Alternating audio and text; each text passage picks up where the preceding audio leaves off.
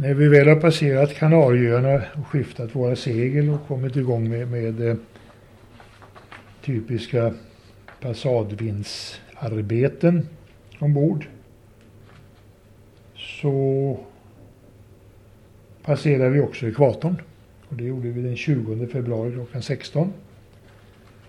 Och då vet ju alla som har varit till sjöss att då ska det ske ett så kallat linjedop för de som aldrig har varit passerat ekvatorn förut. Den som i det här fallet agerade som Neptunus Rex himself var segermakare John Sommarström. Och som, som eh, fager drottning hade han med sig tredje styrman Lindholm. Många utav, av, av oss ville inte delta i det. De smet ju undan att försöka gömma sig ombord. Och för att undvika att någon överhuvudtaget skulle klara sig från dopet så var det ett antal poliser utsedda som eh, fångade upp samtliga rymmare. Och en och en förde sedan framför drottningparet. Fick eh, kyssa drottningens fot.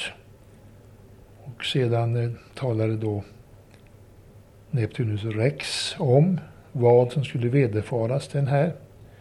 Eh, alla skulle vi ha någon typ av medicin, curry blandat med, med eh, allsköns starka kryddor. Skulle naturligtvis tas in. Eh, vi blir klippta och kärade i huvudet, över hela kroppen för den delen också. Kärade och spillolja blandad. Trätjära och spillolja blandad. Fick man olika tecken. Själv fick jag Södra Korset målat på, på bröstet och Karlavagnen målat på ryggen. Och eh, det hela avslutades med dopp i en bassäng. Vi vågade faktiskt inte doppa, dopp, doppa varandra i, i, utanför reling med tanke på hajfaran. Utan vi hade byggt upp en, en bassäng på styrbordssidan på fördäck Där Där fick var en, blev var en slängd och doppad.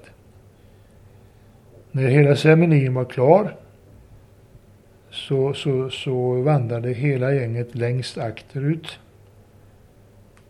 till, till eh, ja, aktardelen av popen och där vankas då kaffe med, med eh, bullar och bakelse och tårta som avslutning på denna festen. Att vi sen avslutade med eget firande i, i Skansen på natten, det är en helt annan historia.